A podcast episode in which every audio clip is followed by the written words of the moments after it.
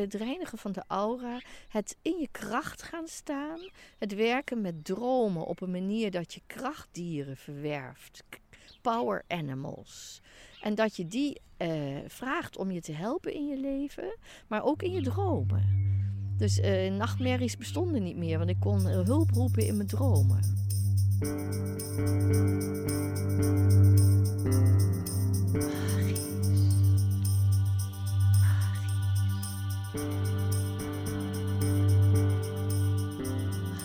Welkom bij weer een nieuwe aflevering van Magisch Nederland, de podcast. En vandaag zijn wij te gast bij Roelien de Lange. Roelien de Lange, geboren in 1949, studeerde in 1970 cum laude af aan de Kunstacademie en deed een aanvullende studie aan de Antroposofische Kunstacademie voor docenten in Jarna, Zweden. Als kunstenares is hij vooral bekend door haar textielkunst. Zo'n 60 exposities in binnen- en buitenland, tv-uitzendingen en monumentale opdrachten voor gebouwen droegen daaraan bij.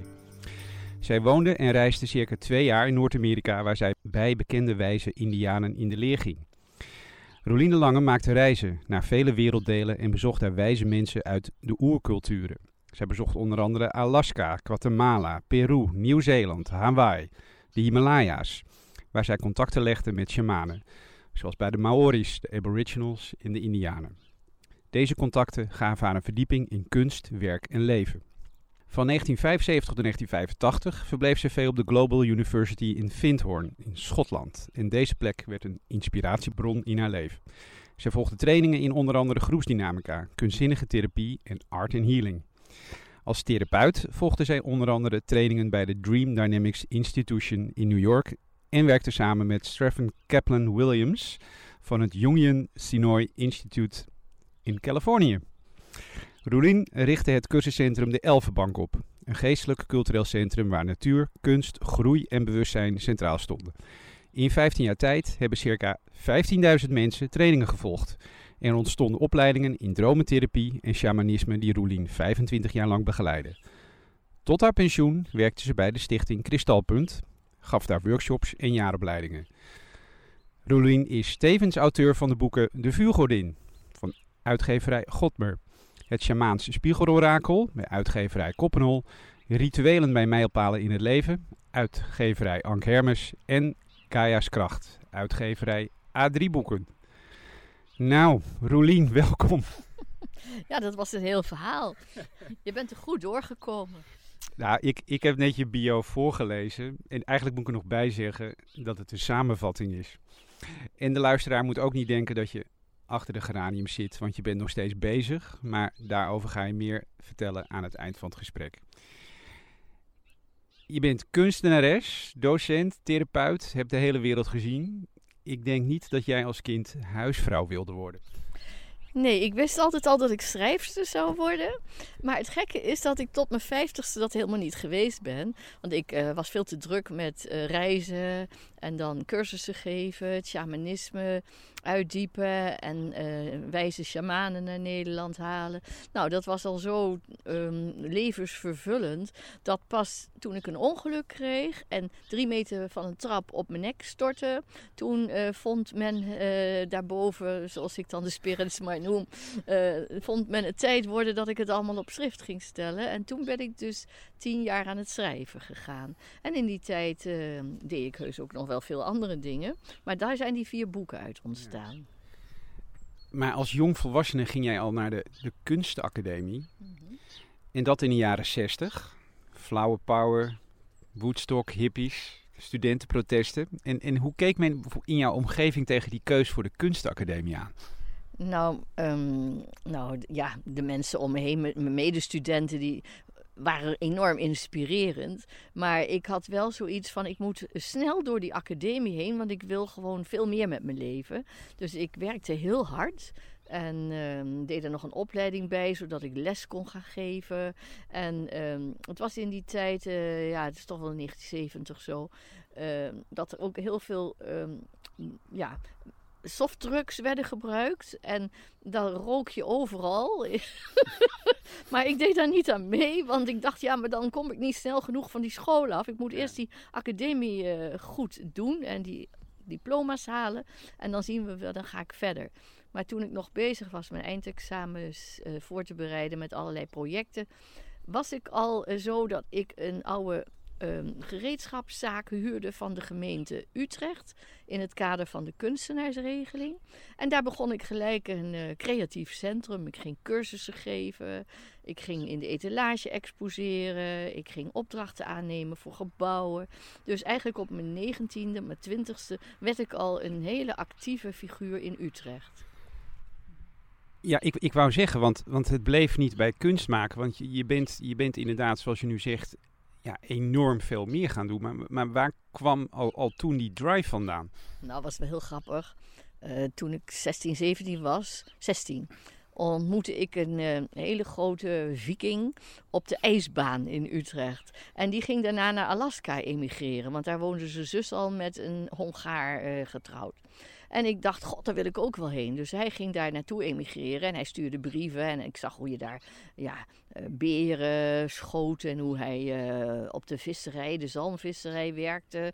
En hoe het daar zo wild was met die gletsjers en die bergen. En ik dacht, daar wil ik ook heen. Dus toen uh, vond hij dat leuk. En toen ben ik daar dus naartoe gegaan. was mijn eerste grote vliegreis. In mijn eentje. En het was heel spannend, want dat begon met een hele lange vliegreis naar Anchorage daar overnachten terwijl er nog uh, rendieren door de hoofdstraat renden. en ook nog geschoten werd hier en daar en zo. Dat was uh, allemaal nog wel een beetje wild west daar. Ja. En toen moest ik overstappen op een kleine vliegtuig. Voor mensen, ja, een stuk of veertig mensen naar Kodiak Island. En um, nou, er werd om 11 uur s ochtends al rustig door al die houtzagers en zo. werd er aan de whiskyfles uh, gelurkt. En ik had zoiets van: waar ben ik nou terecht gekomen? Het was een wilde boel. En ik weet nog dat we een tussenlanding maakten op een of andere berghelling. En ik stond, ik mocht eruit en ik stond daar. En ik zie, aan de, ik zie enorme zeeën en oceanen en bergen met sneeuw en een enorme gletsjer aan de overkant. Het landschap was zo giga groot. Ik was helemaal gelukkig. Ik denk, nou, ja, hier gaat mijn ziel open, die ruimte. Ja. Uh, nou, dus, en toen moest ik dus in Kodiak Island in een storm landen. Dat viel ook nog niet mee. Dat lukte. En toen moest ik overstappen op een watervliegtuig. En dat ging dus weer verder. Ehm, daar zaten nog maar vijf Eskimo's in en ik. En dat ging dan weer verder naar een uh, visfabriek waar mijn partner op die tijd uh, op een zalmvisserijboot werkte. En daar werd ik als kok te werk gesteld. dus, en de, de, volgende dag zaten we al uh, op zee. En werden de zalmen levend wel de, kok, de, de, de, de keuken ingegooid. En die moest ik dan maar zien klein te krijgen. En in de pan te stoppen. En ik zou het nou niet meer willen doen hoor. En stormen. Nou, dan moest je met zo'n fornuis, er stond er dan ijzeren pannen op. En die moest je dan met grote ijzeren beugels vastzetten, zodat ze niet de lucht in vlogen als het stormde. Nou, ik heb daar echt wel heel erg uh, het wilde westen meegemaakt, ja. maar op een uh, positieve manier. En wat ik mooi vond, dat al die ruige mensen daar. Kwam op een gegeven moment een hele grote dolfijnsoort, uh, een porpoise.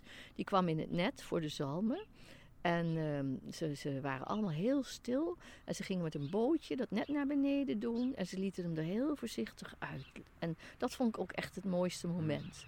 En ik dacht van kijk, dat kan ook. Hè? Ja. Ja. Die stoere kerels die dan zo liefdevol met zo'n prachtig wezen omgaan. Ja. Ja, dat, uh, dat was echt mijn eerste contact met dolfijnen. En dat is nog heel lang doorgegaan. Ja. En kon je in Alaska ook uh, wat met, met, met je artistieke gaven doen?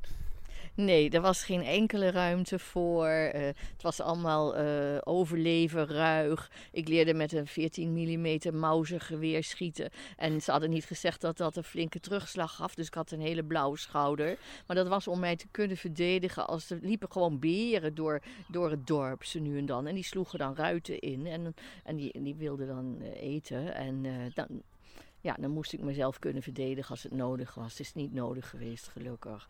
Maar het was daar dus echt nog de frontier in die tijd. De wegen waren ook allemaal van, uh, van uh, klei met gaten erin en zo. En het was echt uh, ruig. Ik weet nog dat ik in een oude camper die we daar hadden, dat ik daar dus leerde rijden. En toen zaten we op een of andere weg waar je absoluut niet op kon keren, tussen moerassen. En ik moest opeens over een rivierdelta. En daar lagen twee van die mecano-achtige ijzeren strips op palen naar de overkant. En daartussen zag je gewoon de wilde rivier onder je. En ik moest dus met die camper waar ik net mee kon rijden, zo'n oude truc, moest ik dus over die twee ijzertjes zo naar de overkant. Nou, dus daar was geen plaats voor kunst. Ik ben er dus ook niet blijven wonen zoals ik van plan was. Ik, we zijn een reis gaan maken. Uh, dat was wel de bedoeling al. Uh, dat was mijn eerste grote reis. Dus met die oude truc zijn we van Alaska naar Guatemala gereden in een half jaar. En onderweg allemaal indianen bezocht, want dat was mijn interesse al. Ja.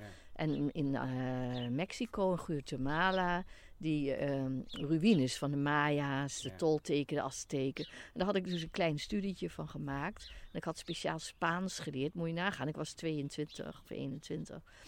Spaans geleerd en uh, een spoedcursus gedaan. En, uh, en alles om die ruïnes overal te bezoeken. En die had ik toen ook allemaal uh, in een boek uh, staan. Wat, wat, wat, trok je, wat, wat, wat trok je daar zo in aan?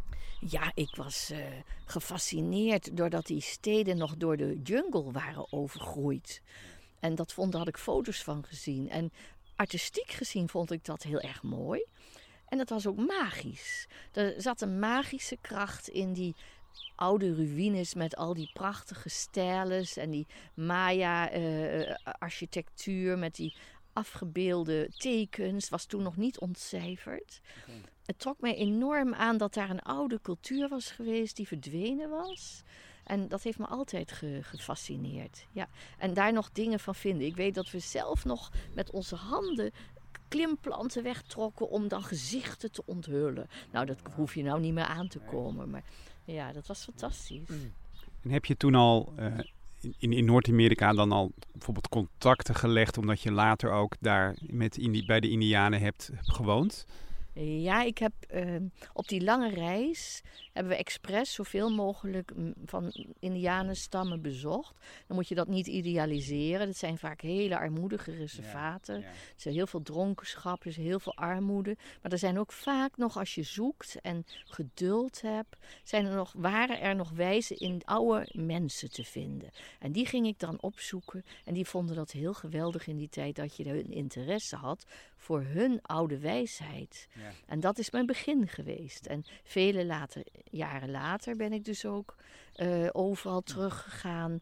Ook hele andere plekken. Om wijze indianen naar Nederland te halen. En dat waren soms oude mensen zonder paspoort. Wisten niet hoe oud ze waren. En moest ik allemaal eerst regelen en zo. Maar geweldig om met zulke mensen te mogen omgaan. Maar die, die, die, kwamen hier, die, die, die zijn zich uh, rotgeschrokken. Of... Nee hoor, het zijn ook vaak mensen die al, ik, ik noem maar wat, een hele wijze oude indiaan, Amala Bun Lucas van de Pomo-indianen in Noord-Californië. Nou, die man die werkte overdag bij McDonald's. Mm. En dan mocht hij de restjes mee naar huis nemen voor zijn familie. Die werd helemaal niet gewaardeerd. En in het weekend was hij nog de sjamaan van zijn kleine stam. En hadden ze op een natuurreservaat nog een aantal roundhouses staan, half onderaardse huizen, waar ze dan hun rituelen en hun muziek maakten. Maar zo uh, denken wij denken vaak, oh, Indianen. Maar die Indianen hebben zich ook moeten aanpassen en die hebben vaak armoede. Ja, ja het, is, het is natuurlijk verschrikkelijk wat, wat, wat, wat bijna al die stammen is, is overkomen. Land afgepikt, uh, ja, werkloosheid inderdaad, ja. zoals je zegt. Maar het... In de oorlog waren ze heel populair, want die Amala Ben Lucas, die was dus ook al oud. Maar die had dus allerlei uh, wonden en, en, en, littekens van twee oorlogen. Die hadden ze in uh, Korea gebruikt als tracker. En toen hij jong was. En hier kwam hij toen hij 18 of 17 was, landde hij in Normandië. En hij werd altijd vooruitgestuurd, want hij kon geruisloos lopen en s'nachts de vijand spieden. En hij was ook sjamaan. In die tijd al beschermd door zijn familie. Hij had een soort kledij onder zijn eh, militaire pak aan. Om hem te beschermen met borduursels. En dat heb ik gezien. Dat zat onder het bloed en er waren stukken afgebrand. Maar hij was altijd levend uit elke situatie gekomen. En toen hij in Nederland kwam, heeft hij Nederland helpen bevrijden. Ook bij Gennep en bij Nijmegen. Vreselijk gevochten. En toen hoorde hij een stem, toen hij op de terugweg was, uh, in het vliegtuig naar Amerika met honderd soldaten op de bodem van zo'n grote kist, vlogen ze terug. Niks, geen luxe hoor. En toen hoorde hij een innerlijke stem die zei: Jij komt nog één keer in Nederland terug. En dat was toen ik hem ontmoette. Toen hij dus al uh, 65, 70 was. En ik nodigde hem naar Nederland uit. Ja.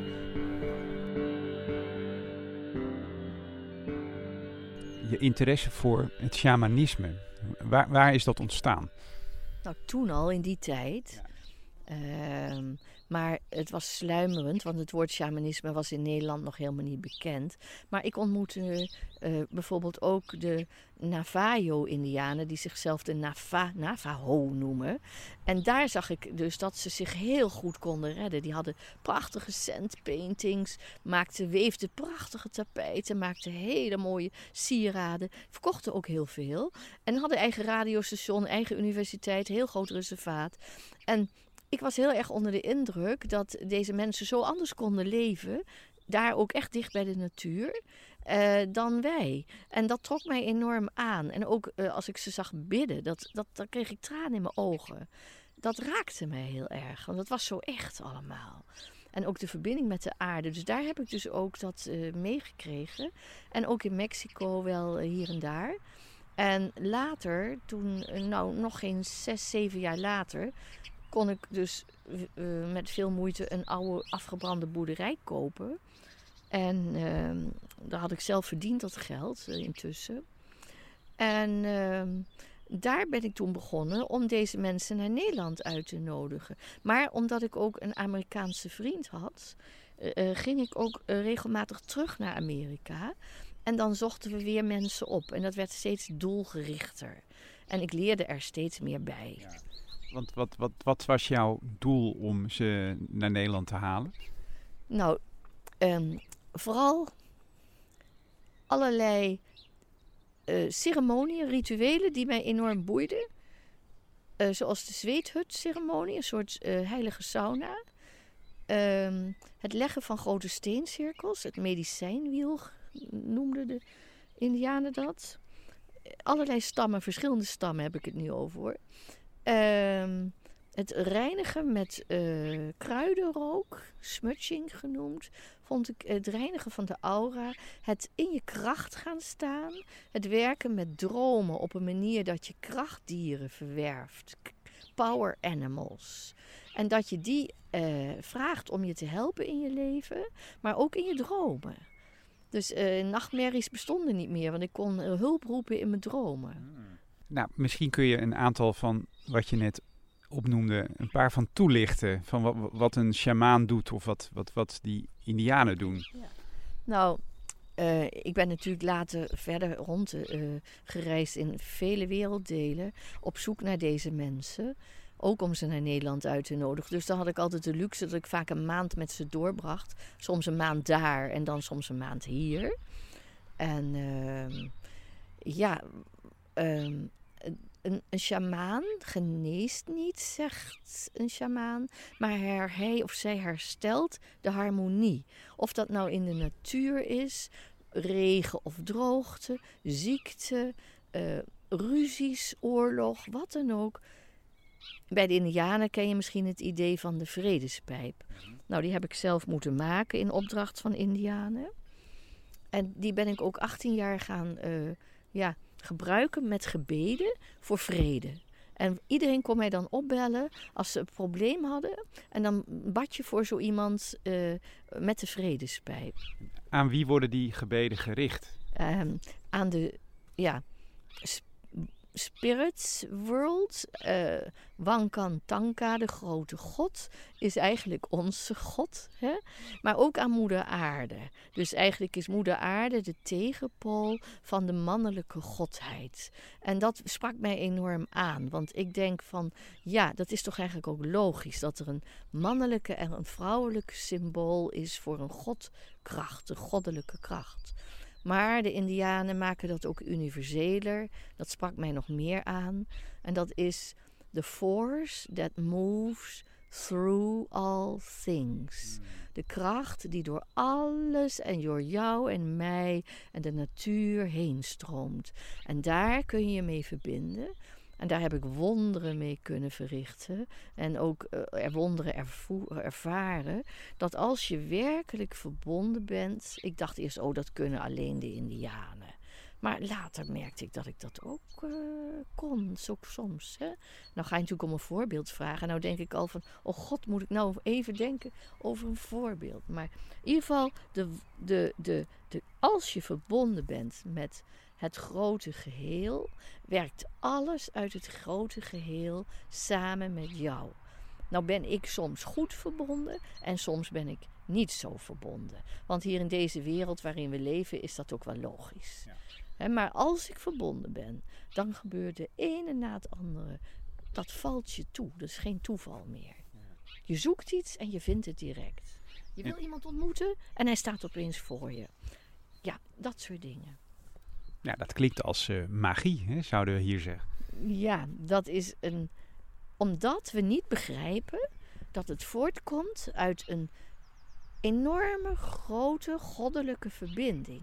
En als je in die verbinding stapt, dan is het geen magie, maar dan weet je dat je dus daar, doordat je verbonden bent met alles, alles ook op jou reageert ik zeg maar rituelen. Nou, bij de Indianen heb ik meegemaakt 500 mensen die dansen. Er staan van die grote powwow-trommels, van die enorme. Ik heb er ook één hier staan, waar zes, zeven mensen op slaan met uh, stokken. En dan hoor je zo boem, boem, boem, boem. Nou, er zijn 500 mensen aan het dansen. voor de aarde, voor, voor, voor het milieu of voor iets waar ze voor dansen. En dan komen er allemaal adelaars aanvliegen en die gaan erboven cirkelen. Dan zeg jij misschien, nou dat is toeval. Nee, die worden aangetrokken door een vortex van energie die gecreëerd wordt door het ritueel. Die vortex van energie is zichtbaar en eh, vogels zijn ook helderziende vaak. En die adelaars die gaan daarin vliegen, die willen dat meemaken, die, die geven hun energie daar ook aan. Zodat er een extra sterk energieveld ontstaat waarbij er wonderen kunnen gebeuren. Waarbij men misschien op dat moment danst om een stuwdam tegen te houden. Hè? En dat dan later blijkt, ja, de stuwdam is, het plan gaat niet door. En dan kun je zeggen, ja, dat is toeval. Nee, dat komt omdat er voor gedanst is, bijvoorbeeld. Hè? Nou, uh, toen dacht ik dus hier in Nederland, nou ja, goed, wat zij daar kunnen, dat hebben wij niet. Hè? Dat is Nederland hier, weet je wel. We hebben geen adelaars of zo. Regelmatig, als ik rituelen leid, en dat is ook in grote, grote mensenmassa's gebeurd met 500 mensen, dat er dus buizerds boven gaan vliegen. Hier op het grasveld bij de boerderij, hier waar ik nu woon. Zeven ooievaars die er aankwamen. Die gaan boven een ritueel vliegen. En zo in zo'n spiraal. Dus ook hier gebeurt dat dan. En zo uh, kan ik nog vele voorbeelden geven. Maar mensen die hier een beetje in geloven, die merken dat zelf ook mee. Die zitten gelijk te knikken van, oh ja, maar dat heb ik ook wel eens gehad. Al is het maar een lieve heersbeestje op je hand. Of een vlinder op een uh, begrafenis die op de kist gaat zitten. Leren de shamanen dit de, de leden van zo'n stam aan om, om, om, om die verbinding te gaan maken? Um, gelukkig hebben heel veel van deze oervolkeren dat nog in hun genen zitten. Dat zit dichterbij dan bij ons. Zij zijn misschien nog maar honderd jaar ge, zogenaamd gecultiveerd of ge, hè, ja, moet ik zeggen, tam gemaakt. en, en, wij al veel langer. En ze hebben dus nog, zij zijn dichter bij deze magische wereld. En kunnen daar eerder mee in verbinding treden. En hebben daar dus ook al voorbeelden van, van hun grootouders, hun ouders. Het is normaal. Dus wat zij normaal vinden, gebeurt dan ook. Wij vinden het niet normaal. Dus wij moeten weer die link leggen. Je hebt veel grote rituelen begeleid. Ja. Kun je daar wat meer over vertellen? Ja, de grootste was wel dat ik mee kon doen aan een druidenritueel in de Stone, Stonehenge, in het grote steencirkel eh, op de Salisbury Plains. En dat was een fantastische ervaring. En daar te staan met honderd mensen, waaronder bijna allemaal druïden. Ik dus niet, maar wel gelieerd aan de druïden. En een van de windrichtingen te mogen aanroepen. is ook nog op de BBC geweest. Uh, daar te staan bij, bij, uh, op een, een, dag dat de zon precies tussen twee van die grote stenen door komt schijnen. En, ja, equinox en zo. was fantastisch. Nou, en Um, zelf heb ik in Avebury, dat is een hele grote steencirkel die wat uh, verder uh, weg ligt. Daar heb ik een rituele een paar mogen meemaken en mogen begeleiden met een Nederlandse groep die ik meebracht. En ook daar gebeuren dan soms wonderen. Dat uh, de zon precies op de. Het is helemaal bewolkt. En je bent met het ritueel bezig. Je hebt een bokaal met water in je handen om, ja, ik zeg maar wat, het water te zegenen of uh, te zuiveren. Laten we, we, bidden dat het water op aarde gezuiverd wordt. Ik, hè, zoiets. En precies komt er een gat in een wolk en er straalt één straal licht in die bokaal met water en om je heen zo. En dan sta je daar met open mond van, nou, hier wordt wel een zegen uh, uitgeroepen. Hè? Dus zulke soort dingen. Maar um, steencirkels hebben hun eigen frequenties. En die uh, voorouders van ons, 6000 jaar geleden, die wisten heel veel meer van frequenties dan wij. Die voelden ze aan en ja, heel misschien waren ze nog afstammelingen van ruimtevaarders. Ik heb er geen idee van, maar ik sluit niks uit. Ze wisten ontzettend veel. Hè? Egypte, de piramides, die bouwers, die wisten zoveel meer dan dat ontdekken ze nog steeds. Maar nu terug naar Engeland, de steencirkels enorme frequenties die uh, sterker worden als er een equinox is. Een, um, ook op de tijden dat er een een um, balanspunt is. Dus 21 maart is het dan uh, 12 uur licht en 12 uur donker. En 21 september 12 uur licht, 12 uur donker zijn de balanspunten. Equinox is als de zon uh, 21 december op midwinter staat en 21 juni op midzomer. Nou blijkt, ik was bij een steencirkel, de Rollright Stones, op een heuveltop uh, in uh, Oxfordshire, of daar vlakbij. En de Universiteit van Oxford deed daar proeven met vleermuizengeluiden opnemen, die daar toevallig ook zaten. En tijdens zo'n equinox kregen ze de meest bijzondere golflengtes op hun geluidsapparatuur. Van golflengtes die wij niet horen met het gewone oor. En dat hebben ze toen onderzocht. En dat bleek dus dat die steencirkel elke keer als er een equinox was, zich verbond blijkbaar met de sterren of de kosmos en de aarde. En als een soort intermediair, hele bijzondere golflengtes uit ging zenden. Ja, of, of dat dan die stenen gaan resoneren met, met met, met, met de frequentie op dat moment? Dat zou ook kunnen, maar ja. ze konden dat dus opmeten, op meetapparatuur. En hoe dat onderzoek is afgelopen, weet ik niet. Maar een student was daar en die vertelde mij daarover. En het bijzondere was dat ik was daar en ik had dit gesprek nog niet met hem gehad. En ik zeg tegen mijn toenmalige reisgenoot: Ik hoor dolfijnen geluiden. Ik hoor hele hoge dolfijnen geluiden. En dat was overdag, hè? er waren geen vleermuizen. Ik zeg van. Ik heb, intussen had ik al een heel aantal keren met wilde dolfijnen gezwommen in de oceanen. En ik zeg, ik hoor echt dolfijnengeluiden, ik begrijp er niks van. En toen zag ik dus voor mijn innerlijke oog dolfijnen door die cirkel heen bewegen. Ja, vraag me niet waarom, maar uh, er was dus een link met dolfijnenergie En het verbaasde me dus niet toen die jongen mij later dat verhaal vertelde dat ze daar al die vreemde frequenties hadden opgenomen.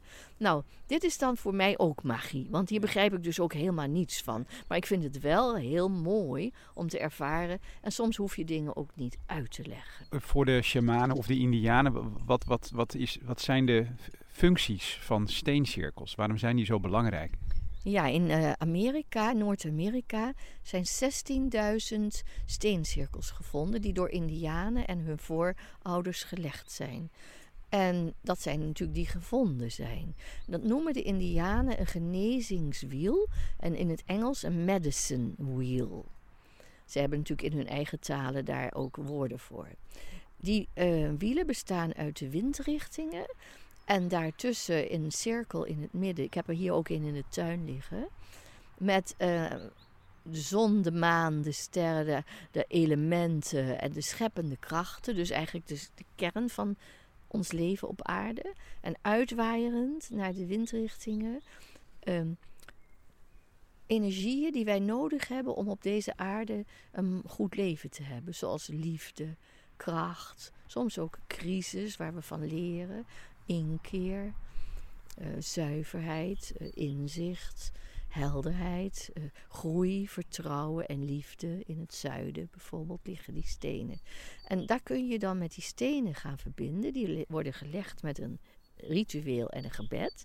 En hoe meer mensen daar stenen bij leggen bij zo'n plek. Ik heb hier een hele bult liggen voor de liefde, zeg maar. Dan wordt dat steeds sterker. En dan ontstaat daar dus ook weer een frequentie die helderzienden kunnen voelen of zien of horen. En dat zit in verschillende scala van mogelijkheden. En eh, ja, dan gaat dat wiel, dat medicijnwiel, gaat draaien. Dat noemen de Indianen turning the wheel. En dat gaat op een, eh, op een ander niveau draaien. En dat ziet eruit voor helderzienden als een acupunctuurpunt op aarde. Waar dus een draaiende vortexachtige beweging ontstaat. En als dat nou goed geactiveerd wordt, met zang en gebed en met ja, die dingen die daarvoor nodig zijn, dan komt er uit de hemel een spiraal naar beneden en uit de aarde een spiraal omhoog. En die ontmoeten elkaar en draaien om elkaar heen in dat medicijnwiel. En dat heeft een helende uitwerking op ehm, de aarde, de mens, de dieren, de planten, alles wat daaromheen is. En daar kun je dus iets aan verbinden. Daarom worden er bij die medicijnwielen ook vaak huwelijken gesloten of kinderen gedoopt. Dat was hun kerk. En eigenlijk is dat heel mooi. Ik bedoel, ik respecteer elke godsdienst en elke kerk. Maar ik vind het ook heel mooi als het buiten mag een keer. Jij, jij hebt dus twee jaar eh, ongeveer eh, ja, met indianen gewoond en eh, heel veel geleerd van shamanen. Ehm, dus ook heel veel over, de, over, over rituelen. Kun je, kun een aantal van de, van, rituele, eh, van de rituelen noemen? Ja, ehm, die heb ik zelf vormgegeven hier in Nederland. Geïnspireerd door verschillende natuurvolkeren die allemaal dezelfde soort basisprincipe hebben. Dat is dat als je aan een nieuwe tijd begint, eh, dat je over een drempel stapt, bijvoorbeeld de threshold in het Engels. Dat je ehm, een huwelijk sluit en dat je dan verbindt met de aarde en de hemel. Dat je een zegen vraagt aan de goddelijke krachten. Ehm, dat je een kind dat gedoopt wordt aan de zon aanbiedt en aan de aarde en aan alle elementen. En vaak komen de elementen als kracht, dus aarde, water, vuur, lucht en ether, het onzichtbare element dat alles verbindt, komen terug in alle rituelen als een soort basis. En ook ehm, de goddelijke kracht die door alles heen stroomt, het enorme respect voor de groeikracht, voor de scheppingskracht, hè, voor wat we in onze maatschappij God noemen. Daar is een enorm respect bij al die volkeren voor. Ze zullen dat nooit uitsluiten. En een respect voor de voorouders. Ja. Dus ook bij een geboorte of een doop worden ook de voorouders gedacht en die worden genoemd. En dan kan een Indiaan zeven generaties uit zijn hoofd oplepelen. Die weet hij allemaal nog. Wij weten nog niet eens wie onze opa of oma, hoe die heette van zijn achternaam soms of van zijn voornaam. En nou, dat vind ik dan, dat heb ik ook altijd aan mijn leerlingen gevraagd. Als we begonnen aan een shamaanse studie, ga eerst eens kijken wie waren je voorouders. Ga eens vragen in de familie. Wat voor talenten heb je geërfd? Ga daarvoor danken. Verzamel oude foto's of uh, uh, dingen. En ga naar je alleroudste familielid en vraag een hele middag allerlei dingen over je verleden en over die persoon zijn verleden. Dan kom je soms dingen tegen, dat is zo bijzonder. Dan gaat, het, dan gaat je wortels gaan leven. En dat weten Surinamers nog, dat weten Indonesische mensen hier in Nederland. en ja, uh, Turkse mensen weten dat vaak nog. En wij zijn gewoon arm. Wij zijn armoedig dat we dat allemaal niet meer weten. Dat we daarom daar ook nooit voor bedanken. Die mensen hebben geleefd zodat wij mogen leven. En dat is de essentie.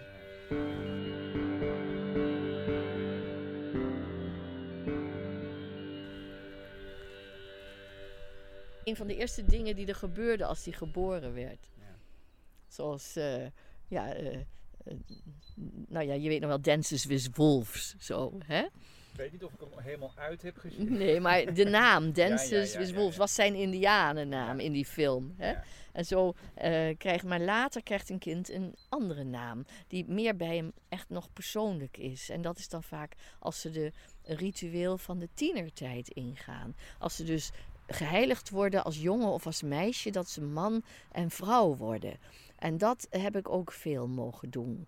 Dus als een meisje haar eerste menstruatie krijgt, of zoals dat bij de Indianen zo mooi de maantijd heet, mm. dan uh, wordt ze geëerd door, zich, door, door dat ze bijvoorbeeld uh, alle vrouwen uit haar familie of haar vriendinnen een feest voor haar geven. En dan uh, begeleid ik dat dan.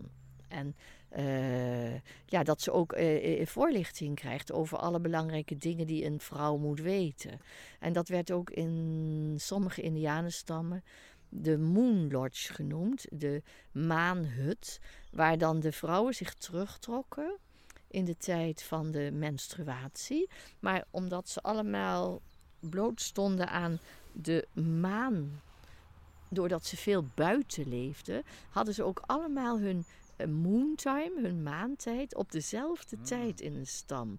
Dus het kwam voor dat alle vrouwen op dezelfde moment die menstruatie hadden. En dan allemaal in een hut gingen zitten om te zingen en de jonge meisjes in te wijden en te vertellen wat ze allemaal moesten weten. En dan zaten ook de oude dames erbij om weer te vertellen over wat zij hadden ervaren, hoe je kinderen de wereld brengt. En zo werd de wijsheid doorgegeven.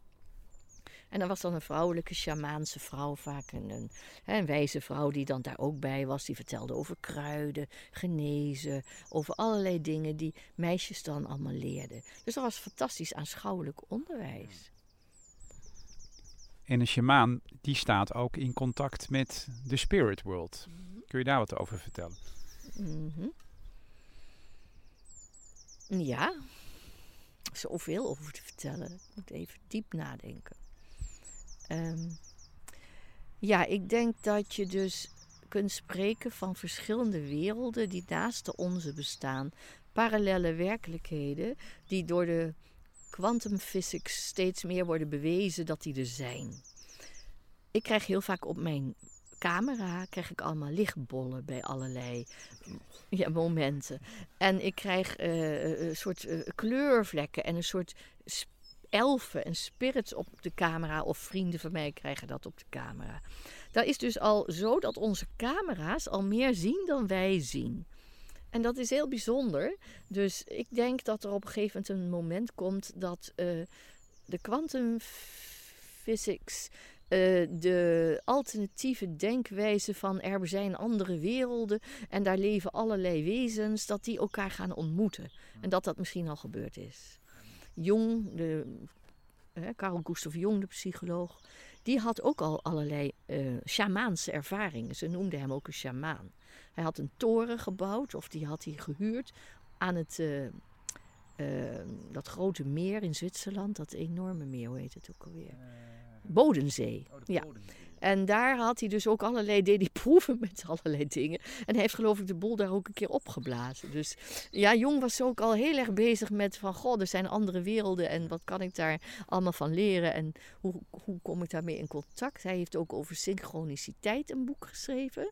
Het toeval bestaat niet, dingen vallen samen. En toen had hij al in de gaten van, als je in die eenheidservaring stapt, dat alles met elkaar in verbinding staat. Daar heeft hij ook een boek over geschreven. Hij was ook een koploper. Eigenlijk kun je Jong een koploper in shamanisme noemen. Maar Mozes ook in de Bijbel. Want die, uh, ja, die werkte met allerlei elementen van de aarde, water, vuur en lucht. Die, en de, dat, dat, werkte allemaal in die tijd. Die was ook in verbinding met alles. Ja, gewoon de oude profeten uh, die staan, stonden ook allemaal dan in verbinding met die... die, met een goddelijke wereld. Maar een grotere wereld dan wij ons godsbesef toelaten. Wij hebben onze goddelijke wereld ingedamd tot een klein stukje van het grote geheel. En als we dus die goddelijke wereld groter durven te maken en in enorme verwondering en bewondering voor de schepping gaan staan, dan gaat die schepping steeds meer met ons meewerken. Er komen er allerlei hulptroepen aan. En daarom hebben Indianen en heel veel stammen op aarde hebben altijd uh, technieken ontwikkeld om hulptroepen te krijgen. Dus een sjamaan doet bijna nooit zijn werk alleen, maar altijd met hulptroepen. En dat kunnen zijn voorouders die nog steeds in zijn uh, uh, aura, in zijn energieveld zijn, die die aan kan roepen van uh, grootvader wil je me helpen, ook al is grootvader al lang overleden. Mijn grootvader heeft mij ook jaren geholpen toen hij al overleden was. En mijn helderziende nicht kon dat gewoon zien. En ik voelde hem ook en ik bedankte hem ook. En ik weet zeker dat er heel veel mensen zijn die dit voelen, maar we durven er niet altijd over te praten. Maar nu in deze tijd breekt dat allemaal gelukkig open en daarom zit jij hier ook. Ja. Ja, dat is wel een, een van de redenen dat, uh, dat ik dit soort gesprekken voer. Omdat um, nou, je, je ziet ook wel een patroon. Als je je wat verdiept in het verleden en in de natuurvolken en in de natuurreligies dan zie je over de hele wereld dat die eigenlijk allemaal hetzelfde deden. Misschien met hun eigen varianten. En wij hebben alles wat met, alles wat met spiritualiteit te maken heeft, eigenlijk uh, nog steeds, vind ik hoor, uh, zijn we een beetje aan het stuk redeneren.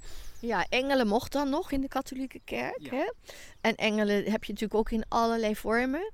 En daar hebben mensen ook vaak engelen gezien. En Maria-verschijningen gezien.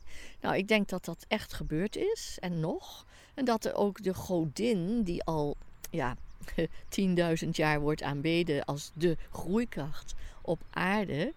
Dat zij dus door Maria heen heeft gewerkt. Maar ook door Isis in Egypte. En Maria is voor mij dus een heel levend energieveld. Waarin ik uh, daar veel respect voor kan hebben. Maar het is voor mij groter dan alleen Maria, moeder van Christus. dus het is groter geworden. Zoals ook de zwarte Madonna in Spanje wordt aanbeden. En in die kerken staat dan ook een soms eeuwenoud beeld van nog van, soms van voor het christendom. Van een uh, vrouw van zwart hout, soms helemaal ver, ver, ver, donker geworden van ouderdom, met een kind in haar armen. Maar Isis in Egypte werd ook afgebeeld met een kind in haar armen. Het is allemaal één. En wat jij nu zegt, uh, een aantal keer nu in Chartres geweest. Ja. En ook op de plek waar de kathedraal vroeger stond, was een, een heiligdom. Een, een heiligdom ah. gericht aan een godin. Okay. Ja, dat geloof ik direct. Ik weet uh, dat niet precies. Maar ik weet wel dat er een druïde-heiligdom was. Dat is mij verteld door de druïden. En daarbovenop is de kathedraal van Chartres gebouwd. Want ze wisten dan dat was een heel goed kruispunt van energielijnen die samen kwamen en daardoor extra krachtig waren. Leylines, energielijnen over de aarde. Die liggen overal en soms komen ze, kruisen ze of kruisen er een heel aantal. En dan bouwen ze daar het liefst een heiligdom op. Want dan zijn je gebeden daar sterker. En je voelt je beter. En, en, wordt alles versterkt. Ook als je daar een ritueel doet. Nou, um, Chartres is daar bovenop gebouwd. In de crypte van Chartres zit een druïdebron. Toen ik daar het laatst was, vele jaren geleden, was die nog afgesloten. En ik heb altijd gehoopt, ik hoop dat ze hem nog een keer open gaan maken Is dat nou al gebeurd, denk je? Ik was er twee jaar geleden.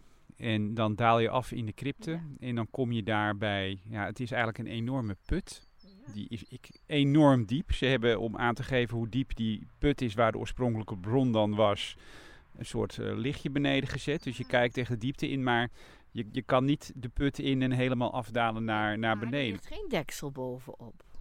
Geen, geen steen, want toen ik er was, was er helemaal nog niet eens een put te zien. Alleen maar een deksel. Ze hebben, ze hebben een soort tralietje bovenop gelegd. Dus je, je, kan, je kan er doorheen. Wel kijken. Ja, ja. Nou, dat, komt er al aarde-energie naar boven. Dat is al heel wat. Ja, Ja, dat is al heel wat. Maar zo heb je heel vaak dus christelijke heiligdommen op oude plekken liggen. Nou, prima. Want eh, die plekken zijn gewoon krachtig en dan komen er nog steeds mensen samen. Maar er zijn ook heel veel plekken in de natuur te vinden. Bijvoorbeeld in Evora of Evora in Portugal. Waar een enorme prachtige steencirkels ergens in de wildernis ligt. Zandpaden met hobbels voor je er bent. En, ja, en daar, liggen, daar staat dan net zo'n grote cirkel als in Stonehenge. Maar alle stenen zijn daar rond, ovaal. Dus net eieren, maar dan drie meter hoog, twee meter hoog, één meter hoog. En die zijn allemaal rondgekapt. Dus dat is een vrouwencirkel. Dat zijn net allemaal zwangere buiken. En dat is dus echt gemaakt om dus de aardekracht te verbinden met vruchtbaarheid en de kosmos. Terwijl Stonehenge, dat zijn hele lange rechtopstaande stenen, is veel meer een verticale, mannelijk gerichte eh, plek, is mij verteld. Oké. Ja, dus, dus we, hebben zo, we hebben mannelijke en vrouwelijke eh, steencirkels. Ja, en we hebben ook steencirkels, zoals in Avebury, waar je kunt meten met wichelroeden, waar ik ook mee werk, maar waar ook al heel veel andere mensen metingen hebben gedaan, dat er mannelijke en vrouwelijke stenen zijn die schuin tegenover elkaar gezet zijn. En als je daar dan gaat staan en je zingt daar of je voelt daar, dan voel je inderdaad dat die energieën daar tot verbinding komen. En dat is ook weer heel heilig. Ik wil toch nog heel even terug naar, naar de shamanen. En je, hebt, en je noemde even de dromen. En nu heb jij daar ook een, een, een je bent op een instituut geweest in, in New York, waar, ja, waar er Nou, die man kwam meer bij ons. Wij nodigden hem uit, dus eh, Michael Daddio was dat in die tijd. Maar dan spreek ik dus echt van 40, 30, 40 jaar geleden. Die kwam dus uit New York bij ons om les te geven en dromencursussen. En in Nederland begon bij Stichting De Nieuwe Mens in die tijd. En eh, Stephen Kaplan Williams, die ging ook in Nederland wonen. En die had een instituut in Berkeley, Jonge Sonoy Dream Institution. Maar die bestaan niet meer, dat was toen. En daar heb ik heel veel van geleerd, maar ook veel van shamanen. Want shamanen, die hebben ook eh, een enorme wijsheid om met dromen te werken. En ehm, ja, shamaanse dromen fascineren mij het meeste. Dat zijn dromen waarbij je bijvoorbeeld een, een zoekgeraakte hond lokaliseert door erover te dromen. Of waarbij je een geneesmiddel droomt wat goed voor iemand is. Of waarbij je droomt dat je in verbinding staat met een sjamaan. Dat heb ik gehad met Sunbear in Amerika, terwijl jij ergens anders bent. En hij geeft je een boodschap door. En eh, dus dat zijn dromen waarbij er eh, meer gebeurt dan je eigen psychologische systeem opwerpt. En ga je dan ook slapen met de intentie om bijvoorbeeld dingen te dromen? Eh, ja, dat kan. Je kunt bijvoorbeeld vragen om heldere dromen. Dromen waarbij je ehm, weet dat je droomt en daarin kan handelen en daarin iets goeds kan doen. Er zijn shamanen die reizen expres in hun droom naar een zieke toe. Die heeft opgebeld, maar die 300 kilometer verder woont. Of aan de andere kant van de aarde. En dan gaan ze daar genezing brengen. En dat kunnen ze. En dat merkt die zieke dan ook. Dus dat is het, het, het, ja, het meest bijzondere. Maar je kunt dat ook je voorstellen in eh, ja, eenvoudige voorbeelden. En ja, Waarom onthouden dromen eigenlijk over het algemeen zo slecht? omdat we afgeleid zijn. En als je dus rustig gaat slapen zonder wilde films en televisie, hè, dan krijg je vaak en je zegt van ik zou graag mijn dromen willen onthouden. Je opent je, je legt een boek naast je bed om het op te schrijven. Je gaat ontspannen slapen. Dan ontstaat er vaak ruimte voor je dromen. Maar je kunt je voorstellen als onze kop vol zit met allerlei indrukken van overdag, dan zijn wij net zo vol dat wij de hele nacht nodig hebben om alles te verwerken. En dan zijn we de hele nacht verwerkingsdromen aan het hebben. Vaak zeven stuks. Dat is uh, opgemeten. Hè? Maar als je dus meer ruimte maakt en je gaat ook meer je eigen uh, persoonlijke uh, ja, shit is een beetje een zwaar beladen woord. Je eigen persoonlijke problematiek in je leven opruimen. Door therapie, door oefeningen, door meditatie, door ja, nou, allerlei technieken die daar tegenwoordig voor zijn. Dan krijg je meer ruimte om mooiere dromen te hebben. Dan krijg je ruimte voor wat je ook wel hogere dromen noemt. Dat zijn zeer inspiratieve dromen over andere werelden, kleuren, contact met allerlei dimensies. Uh, en dat gaat allemaal vanzelf, zonder drugs. Hè? Dat is gewoon je persoonlijke vermogen om dat te kunnen. Ja. En waar komen de dromen vandaan? dat is een hele leuke vraag. Ik denk dat er een energieveld om je heen is. Dit is mijn persoonlijke opvatting hoor wat ze ook wel de aura noemen, dat er ook een dromenaura is. Dat je een soort uh, dromenaura hebt waarmee je in verbinding bent. En um, dat de dromen allereerst komen om je uh, problematiek en je ervaringen van overdag uit te werken, dat is duidelijk. Kinderen moeten ook heel veel dromen en uh, honden en katten zie je ook met hun pootjes ja, bewegen ja. En, en geluiden maken. Allemaal om te verwerken wat ze hebben meegemaakt. En daarna komen dan de dromen om uh, bijvoorbeeld raad te krijgen. En daar ben ik dol op. Dromen die jou wijze raad geven. Mm.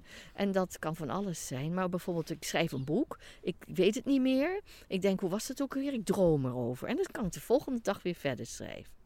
Einstein kreeg zijn, uh, ter, uh, zijn uh, theorieën in zijn dromen aangereikt. John Lennon kreeg het liedje uh, Yesterday, of was dat van hem? Of nee, dat was van Paul, van Paul McCartney geloof ik. Paul McCartney, het liedje Yesterday werd hem in zijn droom aangereikt. En dan heeft hij ook, heb ik een interview gezien. En dan had hij een bandrecorder naast zijn bed staan en dan ging hij het gauw inzingen en piano spelen. En zo hebben heel veel mensen, muzici, kunstenaars, ik droom ook kunstwerken soms, hebben de inspiratie uit hun dromen. Dan kan je zeggen waarom en waar komt het vandaan? Nou, dat komt uit een hele grote inspiratieve bron waar alle mensen uh, uit kunnen tappen. Dat wordt ook wel de Akasha-chronieken genoemd. Ik denk dat daar een link naar de dromenwereld zit. En de spirits, die helpen. Ja. ja. Die kunnen praten in onze dromen. Beter dan overdag, want wij luisteren beter in onze dromen. We lopen nu heel even naar het medicijnwiel dat Rolien in haar tuin heeft gemaakt. Dat zijn de gezusters Wilg. Twee hele grote oude wilgenbomen.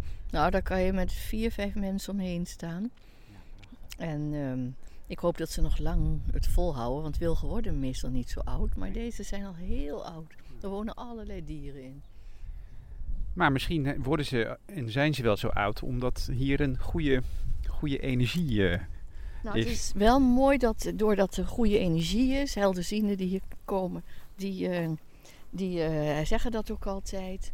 En dat er heel veel natuurwezens zijn of wezens die de natuur helpen groeien. En we staan nu bij het medicijnwiel waar ik over vertelde. Dit is de steencirkel die we hier hebben.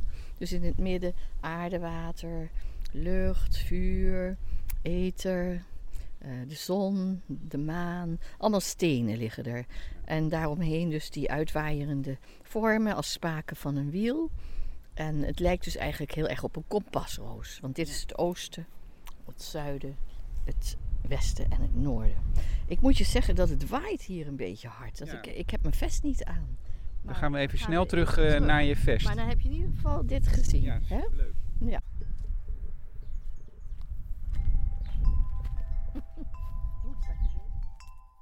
Het mooie is dat je als shamaans werkend mens ook in de gaten begint te krijgen waar er meer energie is in een, op een plek of minder. er zijn plekken die, daar word je moe van. Midden in de HEMA of zo. Sorry dat ik het woord gebruik. En er zijn plekken waar je heel veel kracht krijgt. Bij een eh, bron die altijd al stroomt, zoals in Glastonbury. De bron daar is beroemd, maar die is al eh 6000 jaar bezocht. En daar krijg je dus heel veel kracht. Of de, die bron heeft geneeskrachtig water, dat is ook fijn. Maar ook bij een hele oude boom of bij een hunnebed of bij onze voorouders, we hadden het al over kathedralen. Die eh, wisten waar de kracht zat. En die maakten daar iets, of het was er al. En dan kun je het bezoeken. Dat zijn natuurkrachtplekken. en ehm, ik heb eh, zelf een boek daarover geschreven.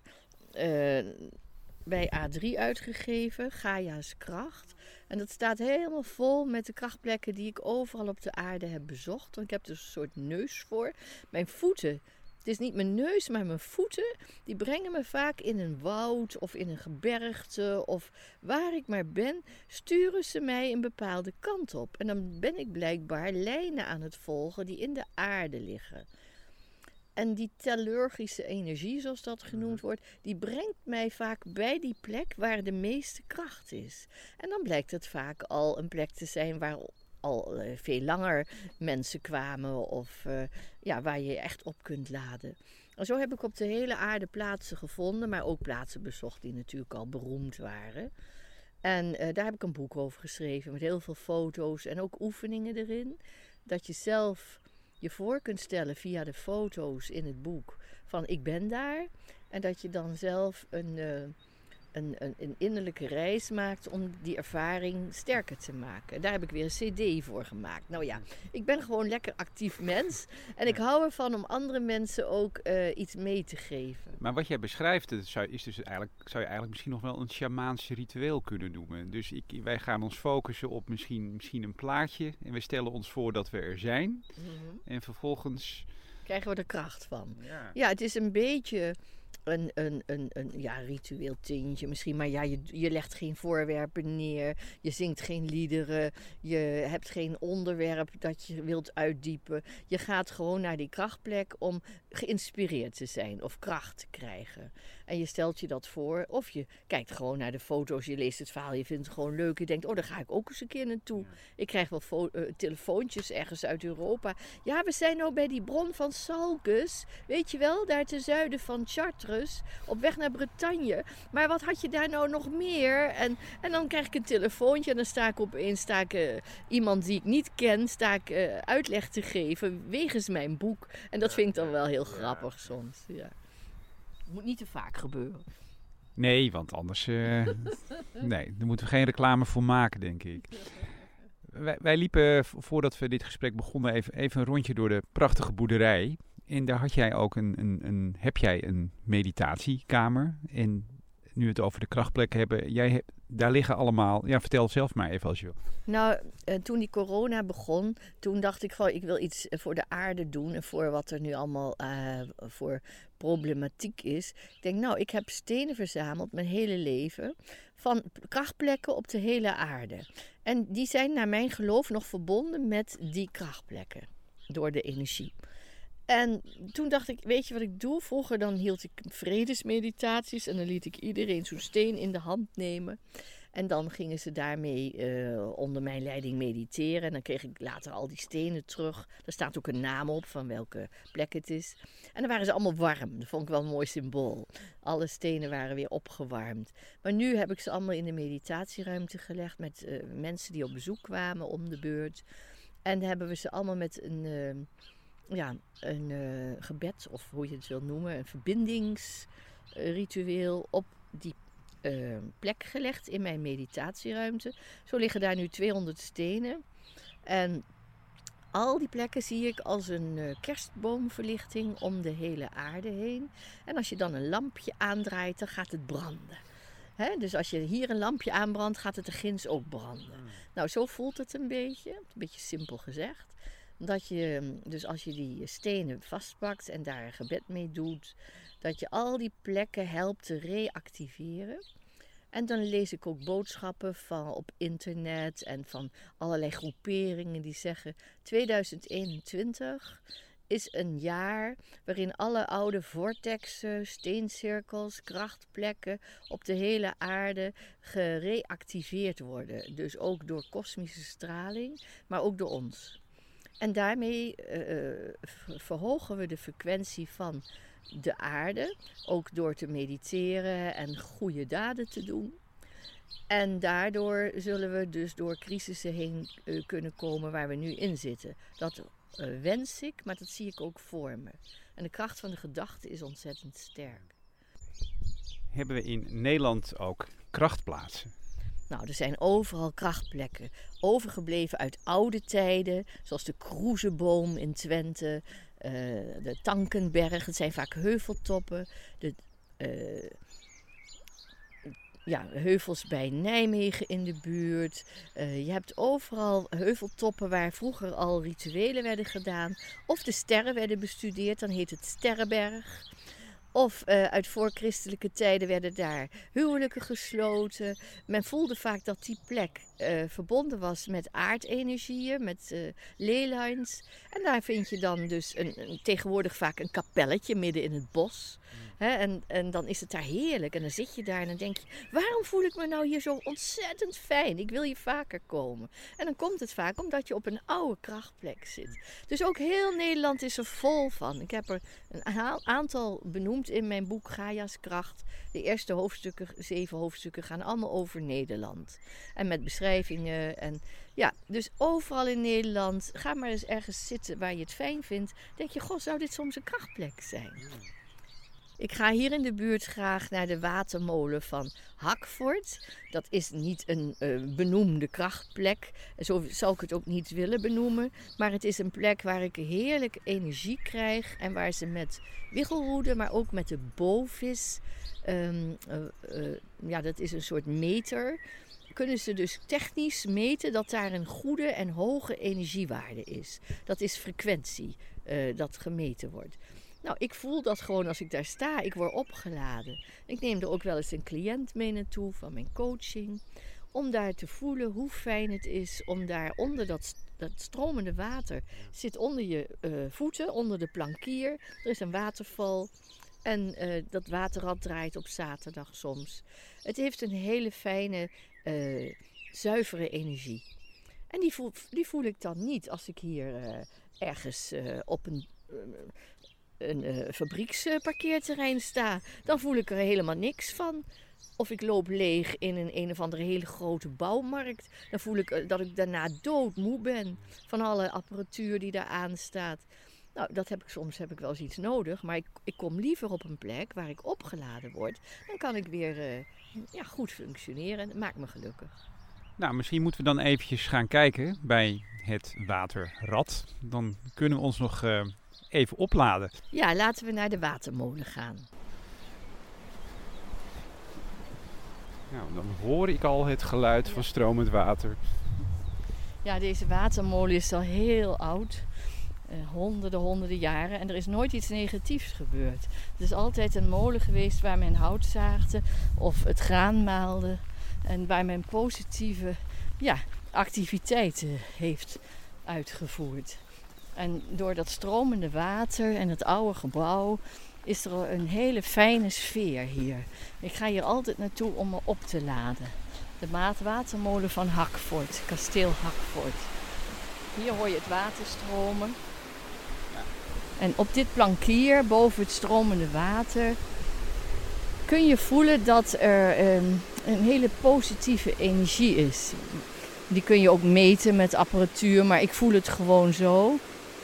En luister maar even naar het water. Hoe het ook uh, een echo heeft tegen de oude muren van het waterrad.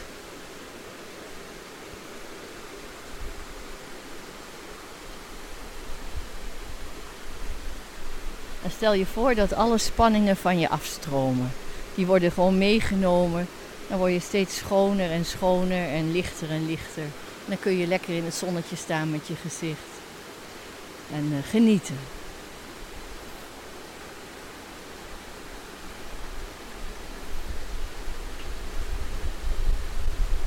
Er bloeien nou in april ook heel veel mooie wilde bloemen, kievietsbloemen, wilde bosanemoontjes, duizenden, duizenden witte stippeltjes die de ja, tapijten onder de bomen, lichte groen, wilde narcissen, ook al een hele groepen langs de beek hier.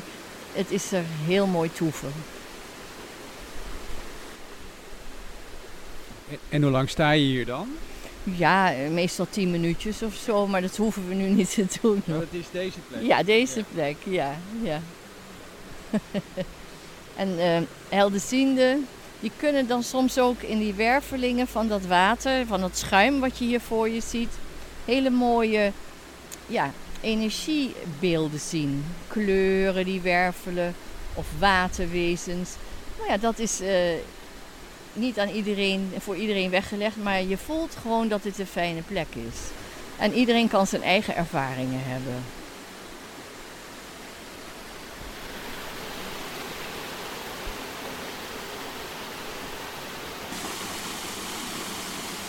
Zaterdag draait dat wiel en dan malen ze meel. Zoals het vroeger ging. Ja. Echte levensenergie.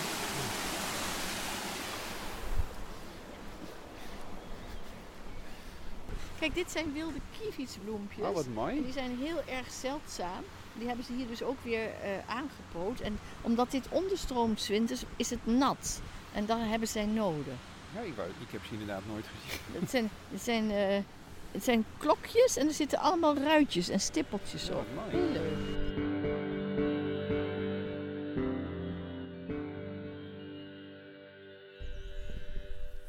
Maar de kennis en liefde voor de natuur, die kreeg jij al als, als klein kind al. Ja, mijn opa Gerrit Noordanus. Hij sprak later ook bij de VARA over, had zijn eigen planten en een bloemenprogramma. Die eh, bracht mij eigenlijk in contact met alle bomen op een eh, landgoed, Jachtlust, in Beeldhoven in die tijd. En hij nam mij op de arm mee en hij liet mij aan alle bomen raken en hij vertelde mij de namen ook. En toen had hij mij ook voorgesteld aan de katalparboom. Die heeft van die lange bonen hangen daaraan, van die zaaddozen. En toen eh, ik kon nog amper praten, maar ik zat aan tafel met de hele familie daarna en ik sloeg opeens in mijn kinderstoel met mijn ehm, lepel op tafel en ik zei katalpar. En iedereen die zei, god ze kon nog eens papa zeggen maar. Dus mijn opa helemaal trots dat ik al boomnamen kende. En zo heeft hij mij helemaal opgevoed in liefde voor de natuur. En daar ben ik hem heel dankbaar voor. Nou, wat, wat deed hij zelf? Hij ontwierp parken en tuinen. En hij ehm, was echt een natuurmens. En hij, hij was ook hoofd van de plantsoendiensten in eh, Beeldhoven. En dat hield ook in parken en eh, ontwerpen en bomen, lanen, aanpoten. In die tijd werd dat juist allemaal gedaan. Hij had ook zijn, eh, zijn eigen opleidingen op landgoederen gehad in Putten, de Vanenburg. Daar was hij geboren. Ja, en hier zie je dan op landgoed Hakvoort ook die prachtige wilde narcissenvelden die weer aan zijn gepoot. Die er ook vroeger gestaan hebben, daar Ja. langs de beek. Het is echt zo mooi. Ik heb er ook een eh, schilderij van gemaakt twee jaar geleden. De avondzon, die stralen die dan tussen die bomen doorkomen. Prachtig. Ja, en, en ook heel mooi die, die natuurlijke glooiingen van het landschap. Ja, de Achterhoek heeft dat zo wel. Al dat, dat hou ik ook van. Het is nog een beetje oorspronkelijk. Ja. En er staan de meeste oude bomen van heel Nederland, dus dat vind ik ook heerlijk. Van dolle bomen. Als je nou wil weten waarom ik gelukkig ben, dan heeft dat met een paar dingen te maken. Ehm, ik dank overal voor. Ik ben enorm dankbaar. Voor mijn eten dank ik, net als de Indianen dat doen. Eh, voor elke bloem die ik zie, voor elk mens die ik ontmoet, voor elke uitdaging die ik ontmoet. Ik probeer steeds te zien van, god, wat ben ik dankbaar voor dit leven, dat ik hier mag leven. Dat, het zo, dat ik zo rijk ben, dat ik eten heb, dat ik eh, natuur eh, heb, dat ik eh, vrienden heb. Nou ja, dus dankbaarheid. Ik geloof in de kracht van manifestatiegedachten. Dus alles wat je voor je ziet een- als een positief doel dient, dat kan je creëren. En daar ben ik nu heel erg druk mee bezig om een museum te creëren. Ja. Voor heel veel kunstenaars die bezig zijn geweest de laatste 50 jaar met positieve kunst, met spirituele kunst, met kunst met een ziel. Daar ehm, eh, ruimte voor te scheppen ergens. Dus het wordt een heel groot project. En daar werk ik aan mee. Er zijn meer mensen. Aurora Productions, mijn uitgeverij, zijn daar heel erg uh, ook bevlogen mee bezig. En anderen zodat wij uh, dus voor ons zien met de kracht van de positieve gedachte dat dit museum er gaat komen. Het Aurora Art Museum. En uh, nou, daar word ik dus gelukkig van. En uh, ja, ik hou het eenvoudig. Ik wil heel graag eenvoudig leven. Met, ik heb geen televisie. Ik ehm, eh, heb geen mobiel. En ik ben ontzettend gelukkig. Ik ben helemaal jaloers. ik uh, ben goed op de hoogte van het wereldnieuws. Ik werk uh, in mijn meditatieruimte voor vrede. En ik, uh, ik, ik, heb ook geen krant, maar ik hou me toch altijd op de hoogte van de dingen die er omgaan. En daar mediteer ik voor, daar stuur ik vrede heen, daar stuur ik genezing heen. Dus ik ben daar heel actief in, maar op een hele andere manier. En ik heb energie over, omdat ik nooit televisie kijk, omdat ik geen mobiel heb, omdat ik niet op de sociale media zit. Heb ik heel veel energie die dus gebruikt kan worden voor het grote geheel. En dat is mijn taak als shamaan. Ik zeg niet dat iedereen dat moet doen. Het is gewoon uh, goed zoals ik leef, dat ik daardoor voel, ik, ik vervul mijn taak op aarde waar ik voor geboren ben. En dat geeft mij een uh, dankbaar gevoel.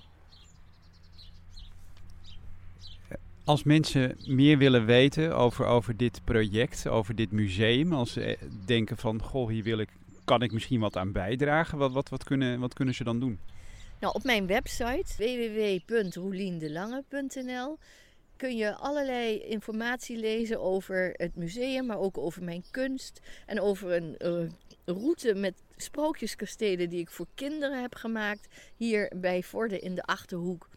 Er staat van alles op waar je wat aan kunt hebben, ook rituelen die ik uitvoer voor mensen, ook voor huwelijken. En dan is er een tweede website, die is een voorlopige werkwebsite voor het museum. En dat is eigenlijk een educatieve werk, uh, website. Maar daar staat tijdelijk nu een, uh, een heleboel nieuws over het museum op. En ook van de kunstenaars en de raad van advies en commissie van aanbeveling die we aan het vormen zijn. Het is heel interessant en die heet www.kristal.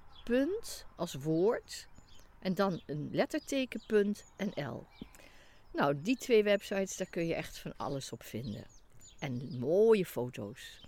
Nou, Rolien, je vertelde net dat een van de redenen dat jij gelukkig bent, is dat je een dankbaar mens bent. En um, ik ben je heel erg dankbaar dat je mee wilde werken aan de podcast. En ik vond, vond het een heel erg leuk gesprek. Dus heel erg bedankt, Rolien. Nou, jij ook bedankt voor het stellen van fijne vragen. En um, ja, de tijd nemen voor alles.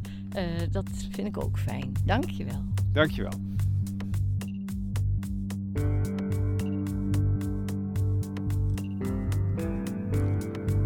Je luisterde naar weer een aflevering van Magisch Nederland. Met dank aan onze gast Rolien de Lange.